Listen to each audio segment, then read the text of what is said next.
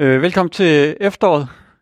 Og øh, her i efteråret, der, efteråret det er jo Trinitatis-tiden, også i, i kirkeåret, som er den tid, hvor vi øh, øh, tildeler livet i Guds rige øh, særlig opmærksomhed. Øh, så, så derfor det, øh, vi skal have om her i efteråret, det er nedslag i bjergprægten, som, øh, som en ting, der er sådan en, en gennemgående tema med, med bjergprægten, og så et, et andet gennemgående tema er åndens virke. Og, øh, og i dag der starter vi med det første nedslag i bjergprægten, som, øh, øh, som er i celleprisningerne, og hvor at det er en enkelt celleprisning, vi griber fat i, med at sælge de som sørger, for de skal trøstes. Og bjergprægten, det er jo Jesus store tale om, øh, om Guds rige, eller livet i Guds rige, og den er gengivet både i Matthæus kapitel 5-7 og i Lukas evangelie kapitel 6. Og de øh, gengiver jo selv sagt meget af det samme, men de fremhæver også sådan lidt forskellige aspekter af det, så derfor så kan det være øh, brugbart egentlig at læse begge, altså fra begge øh, gengivelser. Øh, så det vil vi gøre. Hvis, øh, og det er meget lidt, vi skal have fokus på, eller tage udgangspunkt i hvert fald. Salige er de, som sørger, for de skal trøstes. Og salige er I, som græder nu, for I skal lide. Og øh, det her ord salige, det velsignede velsignet, eller overvældende glad, eller overvældende lykkelig. Det er over i den her boldgade. Det er ikke, det er ikke fuldt øh, tilstrækkeligt oversat på den måde, men det er over i den boldgade. Øh, og, øh, og så er det sørger og græder. Så det er en stærk følelse af tab og af at have mistet noget. Det er noget er ikke som det skal være. Og så er det, at vi trøstes, som er, og at vi lærer, at det er årsagen til vores lykke. Altså det er på grund af trøsten, at vi er lykkelige. Det er ikke fordi vi sørger nødvendigvis, at vi er lykkelige, men på grund af trøsten, at vi er lykkelige. Så versene de angiver et liv med dybe følelser og erfaringer. Nogle gange så øh, kan vi tænke på, jamen er der følelser i kristenlivet? Er der erfaringer? Ja, det er der. Og det er en følelse af sorg. Det er en følelse af gråd. Og det er en følelse af trøst. En følelse af lykke. Så versen taler om sorg og tårer og overvældende glæde og lykke. Det er det, vi bliver inviteret ind i. Men hvad er det, vi sørger over? Hvad er det, vi græder over? Der er mange ting, vi kan græde over, eller sørge over.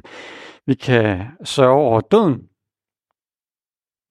Græde over at miste, som kun døden kan give os at miste. Og vi kan sørge over Jesu fravær.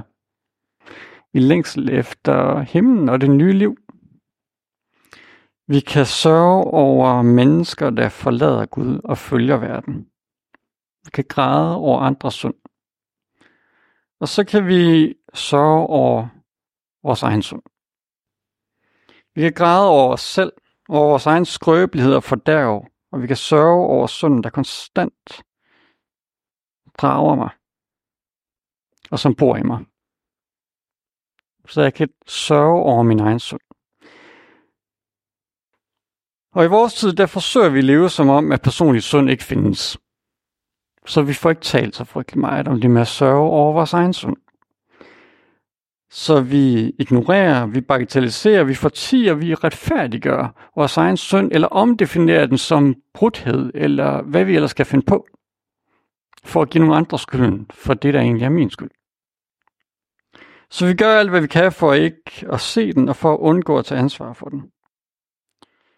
Og i en luthersk sammenhæng, der tager vi nogle gange nåden i brug, for at beskytte os selv mod sorg over synd. Så tænker vi, at syndesorg, det hører til dengang, da vi blev kristne. Men det er jo ikke rigtigt til livet nu. Eller vi kan tænke, at syndesorg nærmest er sådan lidt menneskeligt og åndeligt usundt. Som at det er en usund selvfordømmelse. Eller det er sådan en, en manglende modtagelse i evangeliet og tilgivelsen. Så det er noget usundt noget, kan vi nogle gange tænke. Men sorgen over synd, over vores egen synd, er faktisk centralt for livet i Guds lys. Det er sorgen der åbner op for glæden over nåden og kærligheden til Jesus. Og uden sorgen over synd, der er glæden og kærligheden til Jesus undernært. Eller uden sorgen over synden, så er den indbyrdes tilgivelse mellem os undernært. At vi glemmer vores egen synd, så er det det lettere ikke at tilgive hinanden. Så når vi ikke har syndesorg, så er vores kærlighed til Jesus underernæret. Vores glæde er underernæret. Den indbyrdes tilgivelse er underernæret. Så det er ikke uden grund, at man i kirkens tradition, ikke den her kirke, men skal vi sige den store kirke, der har været et par tusind år, at det her med syndesorg, det har rent faktisk haft en central plads i kristenlivet. Ikke blot ved indgangen, men tilbagevendende. Så vi har for længe ignoreret den her tale om synd, og vi har brug for at genvinde den. Vi har brug for at genvinde samvittighed og skyldfølelse. Vi har brug for os at opdage frelsens glæde og kærlighed til Jesus. At den hviler os på, at vi ser synden, og vi sørger over synden, og vi græder over sig selv nogle gange. Så derfor så vil vi i dag fokusere på noget, som vi måske har glemt at tænke så meget over. Vores egen synd. Så når vi læser de her vers, så kunne vi næsten tilføje, Salige er de, som sørger over deres egen synd, for de skal trøstes. Og Salia ligesom græder over sig selv, for de skal le. Og øh, så vi prøver at tage øh, den næste tekst. Oh, øh, den fra Jakob. Ja. Øh, det er et par vers fra Jakobs brev. Lad os prøve at læse. Hold jer nær til Gud. Eller lad mig sige, det er det jo skrevet til kristne. Det er skrevet til menigheden. Så hold jer nær til Gud, så vil han holde sig nær til jer. Gør jeres hænder rene i sundere. Rens jeres hjerter i tvidsindhed. Sørg og græd i jeres elendighed. Lad jeres latter afløse af sorg og jeres glæde af mismod. Ydmyg jer for Herren, så vil han ophøje jer. Vi vil jo gerne være i Guds nærhed. Vi vil jo gerne være tæt på Gud. Vi vil gerne, at han holder sig nær til os. Vi vil gerne, at han ophøjer os. Så lad os også tage imod det der formaningen i det. Det er sørg og græd i jeres elendighed. Lad jeres latter afløse af sorg og jeres glæde af mismod. Det er jo ikke et ukendt tema i Bibelen. Jeg øh, læser indimellem i Bibelen, og her til morgen læste jeg også noget fra anden kongebog af alle steder, øh, om øh, Josia, var det. Øh, det var på et tidspunkt, hvor det var gået rimelig skidt til hos Israel. Øh, og de havde glemt øh, lovbogen. Der er en præst, der finder lovbogen, og der står, da kongen hørte, hvad der stod i lovbogen, flængede han sine klæder. Og så siger han til præsten, gå hen og rådspørg herren for mig, og for folket, og for hele Juda, om det, der står i denne bog, som er blevet fundet.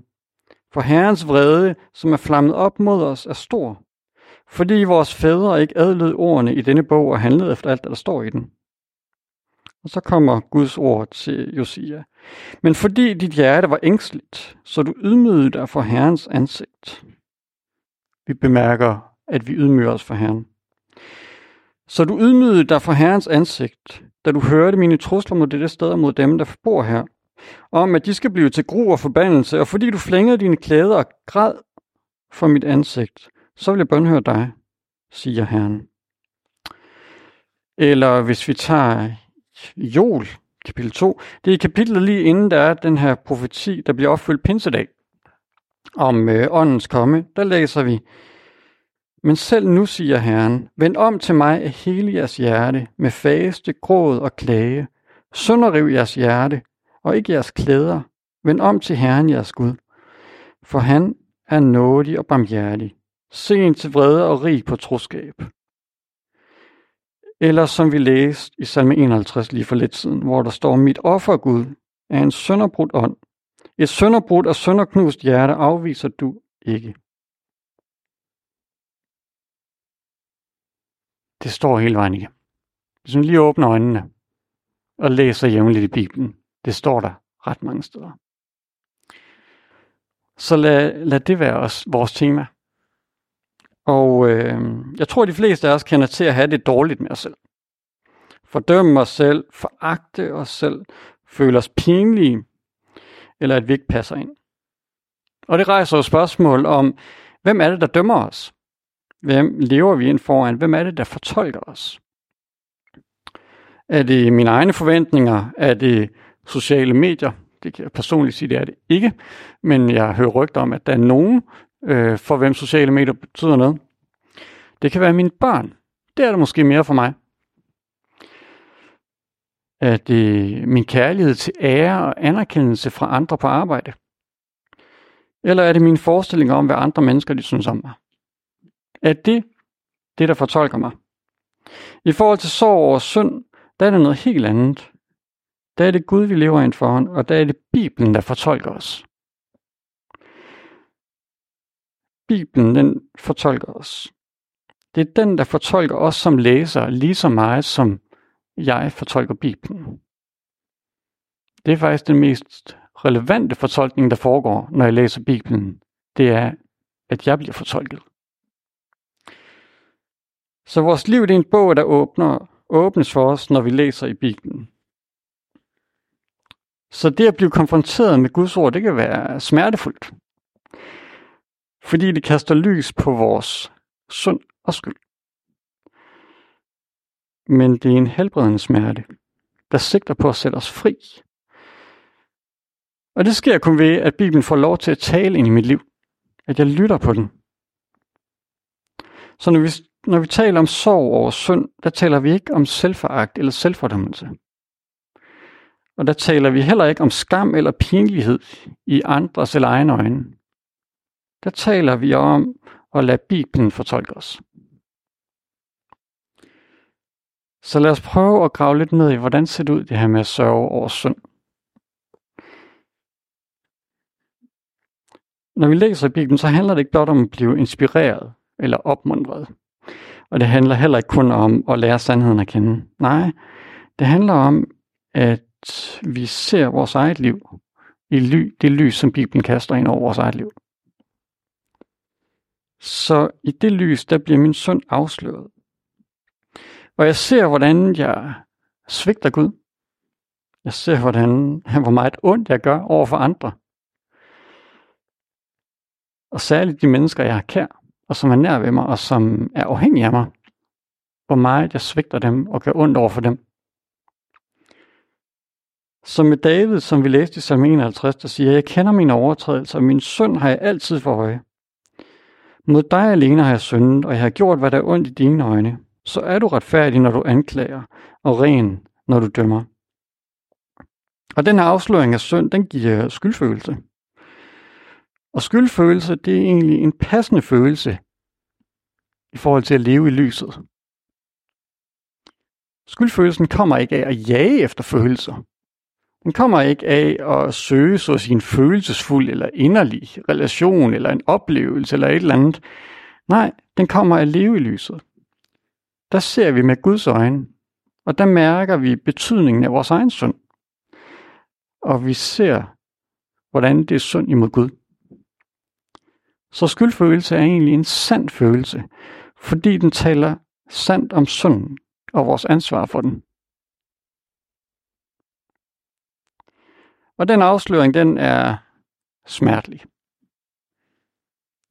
I den smerte, der kan vi ikke andet end sørge over synd. Og det mest smertelige i kristenlivet er måske egentlig smerten over synd. Smerten over, at ja, det var os, der svigtede. Det var mig, der svigtede.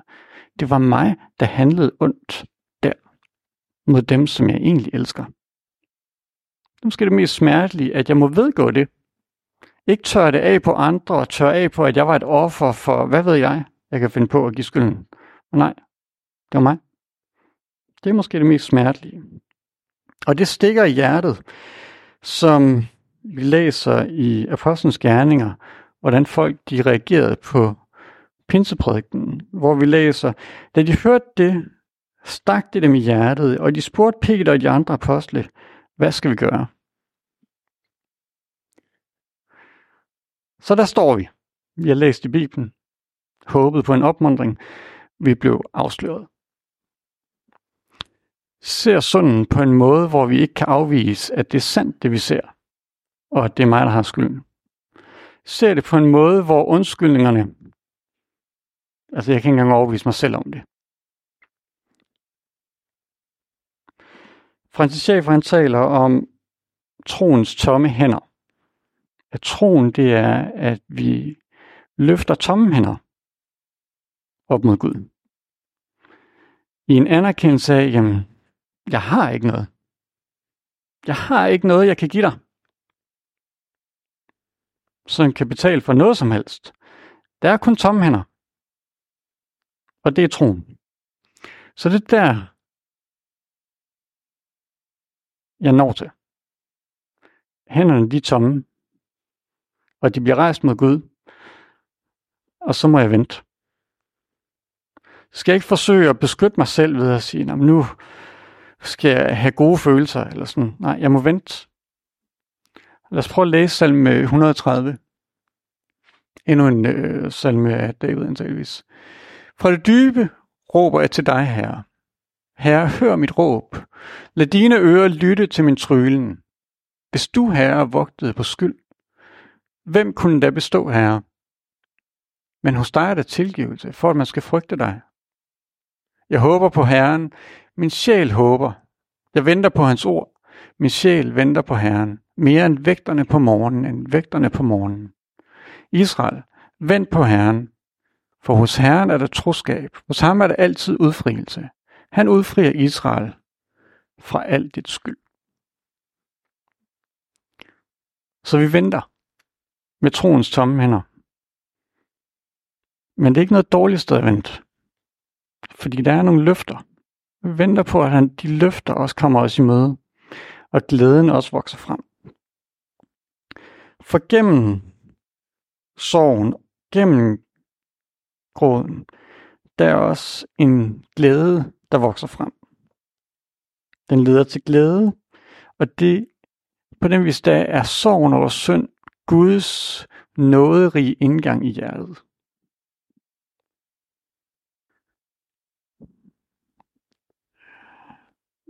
Jesus taler også om, at han sender ånden for at overbevise om synd.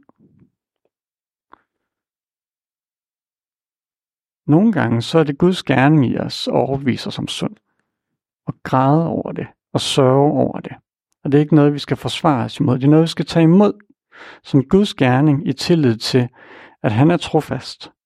Og at der er glæde os på den anden side. At det er sandt, at salige er de, som sørger, for de skal trøstes. Så vores hjerter, det må blive gennemboret af smerte og synd, for os at blive fyldt af glæde. Og det er ikke kun synd, men også glæde, der gennembruger hjertet. Gud bringer trøst, og den, når den kommer, så er vi næsten ligesom børn, der griner og græder på samme tid. Lad os prøve at øh, kigge på en beretning, der måske særligt åbner det op.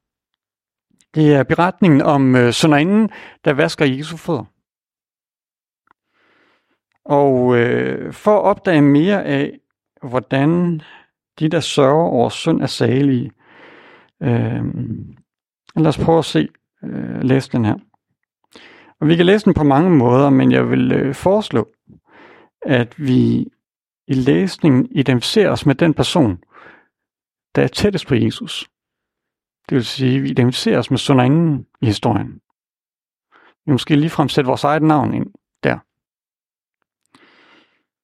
Øh, for ved at identificere os med sønderinden og søge at sætte os i hendes sted, så bliver vi inviteret ind i sund og tilgivelse. Vi bliver inviteret ind i sorg og glæde og tårer og trøst. Og ultimativt, så bliver vi inviteret ind i en kærlighed til Gud, der vokser.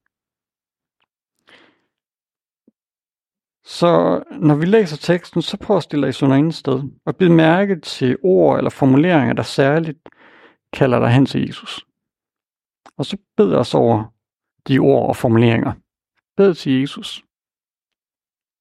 Lad os prøve at læse eller beretningen Nu var der en kvinde, som levede i sund i den by. Da hun fik at vide, at hun sad til bords i farisæerens hus, gik hun derhen med en alabastkrukke fuld af olie. Stillede sig grædende bag ham ved hans fødder og begyndte at væde hans fødder med sine tårer. Og tørrede dem med sit hår, og hun kyssede hans fødder og salvede dem med olien. Da farisæeren, som havde indbudt ham, så det, tænkte han ved sig selv, hvis den mand var profet, ville han vide, hvad det er for en slags kvinde, der rører ved ham, at det er en, der lever i synd. Jesus sagde til ham, Simon, jeg har noget at sige dig. Han svarede, sig det, mester. En pengeudlåner havde to skyldnere. Den ene skyldte 500 dinar, den anden 50. Da de ikke havde noget at betale med, eftergav han dem begge deres gæld. Hvem af dem vil så elske ham mest? Simon svarede, den han eftergav mest, vil jeg tro. Jesus sagde, det har du ret i. Og vendt mod kvinden, sagde han til Simon, ser du denne kvinde? Jeg kom ind i dit hus. Du gav mig ikke vand til mine fødder, men hun har vædet mine fødder med sine tårer og tørret dem med sit hår. Du gav mig ikke noget kys, men hun er blevet ved med at kysse mine fødder, siden jeg kom herind. Du salvede ikke mit hoved med, olie, med salve, men hun har salvet mine fødder med olie. Derfor siger jeg dig, hendes mange sønder er tilgivet, siden hun har elsket mig. Den, der kun får lidt tilgivet, elsker kun lidt. Og han sagde til hende, dine sønder er tilgivet. Lad os prøve at se, hvad der sker i den her historie. Kvinden levede i synd. Hvem af os er uden synd? Hvem af os her er uden synd? Er vi bedre end hende? Kan man jo sige, lad den af os, der har mindre synd end hende, kaste den første sten. Nej, vi er syndere. Og derfor hører vi til i hendes sted. Det kunne lige så godt have været os, der var gået derhen, hvis det ikke var fordi, at vi havde så meget menneskefrygt. Det kunne lige så godt have været os. Så vi kunne sige, nu var der en mand, som levede i Sund i den by. Hans navn var Peter. Du kan sige dit eget navn. Den her by, der er også en mand, der lever i Sund. Det er hver af os. Og hun får at vide, hvor Jesus er. Så nu kan hun komme nær ved ham. Det som Jakob han talte om. Hold jer nær til ham. Så hun søger at holde sig i Jesu nærhed. At være i Jesu nærhed, det er hendes lykke. Så hun går derhen, men øh, Jesus han er hos fejseren. Den farisæer, der dømmer hende, og der ser ned på hende, der ved, at han er bedre og mere hellig end hende. Det er der, Jesus er. Men hun går derhen, for hun er ligeglad med, om farisæeren ser skævt til hende. Om han mener, at, at hun skal holde sig fra Jesu fødder. For Jesus er hendes lykke. Lad blot farisæeren håne og le. Lad ham blot vende sine øjne væk fra hende i foragt. For hun vil klinge, klynge sig til hans fødder. Og hun vil holde fast ved ham og være der, hvor han er. Uanset prisen, så vil hun være der, hvor han er. Og nu ved hun, hvor han er. Og hun græder ved hans fødder. Tidligere der hun grædt over sin søn, over sig selv. Hun er en sønderinde, og alle ved det. Men Jesus har mødt hende, og han har tilgivet hende og taget hendes synd fra hende. Og nu græder hun af glæde og taknemmelighed. Og hun væder hans fødder med sine tårer hun græder og græder og græder og græder. Og tårerne, de gør Jesu fødder våde. Jesu fødder, de er ikke blevet vasket. De er stadig beskidte. Støvet fra vejene var stadig på hans fødder. Men hun væder Jesu fødder med sine tårer.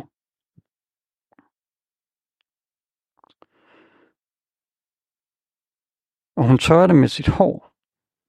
Hendes hoved det er helt tæt på Jesu fødder. Hun er bøjet ned for Jesu fødder. I glædesgråd. Og nu tørrer hun hans fødder med sit hår, tørrer tårer og skidt og møg af med sit hår. Og hun kysser hans fødder. Igen og igen og igen kysser hun hans fødder. I taknemmelig kærlighed kysser hun dem igen og igen. Og hun salver hans fødder.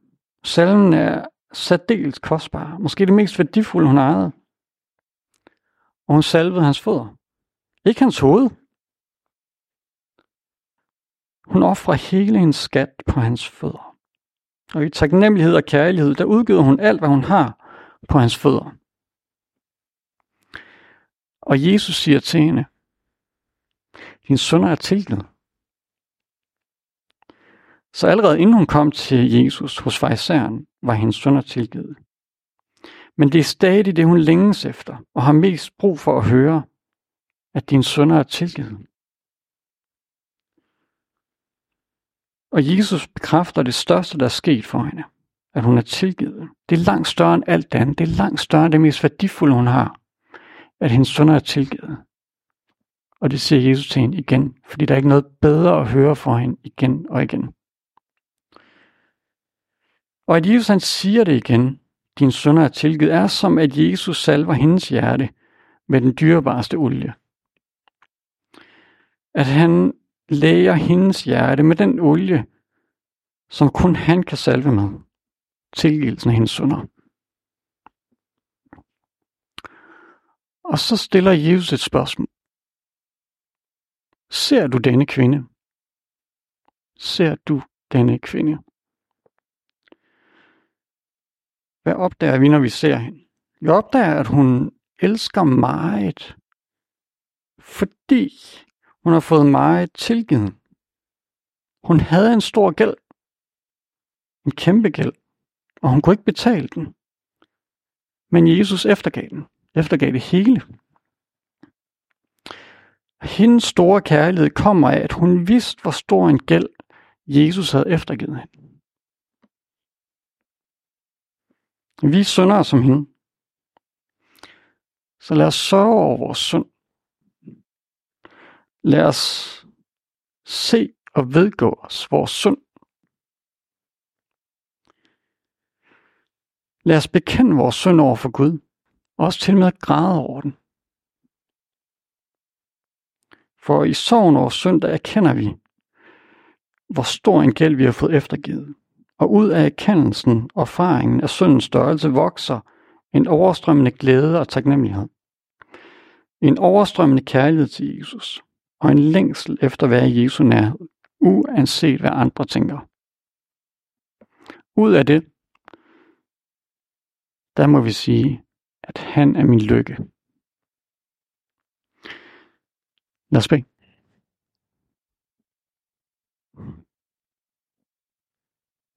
Herre, tilgiv os for vores hårdhjertethed.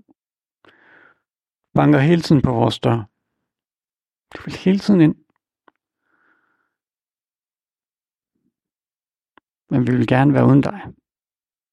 Det er nemmere. Vi har mere styr på det og mere i kontrol. Vi stoler ikke på, at glæden er på den anden side af sorg. Vi vil hellere have noget, vi selv kan styre tilgives. Og tag os i hånden, og så led os ind til din glæde, og at du må være vores lykke, og der ikke er nogen større lykke. Amen.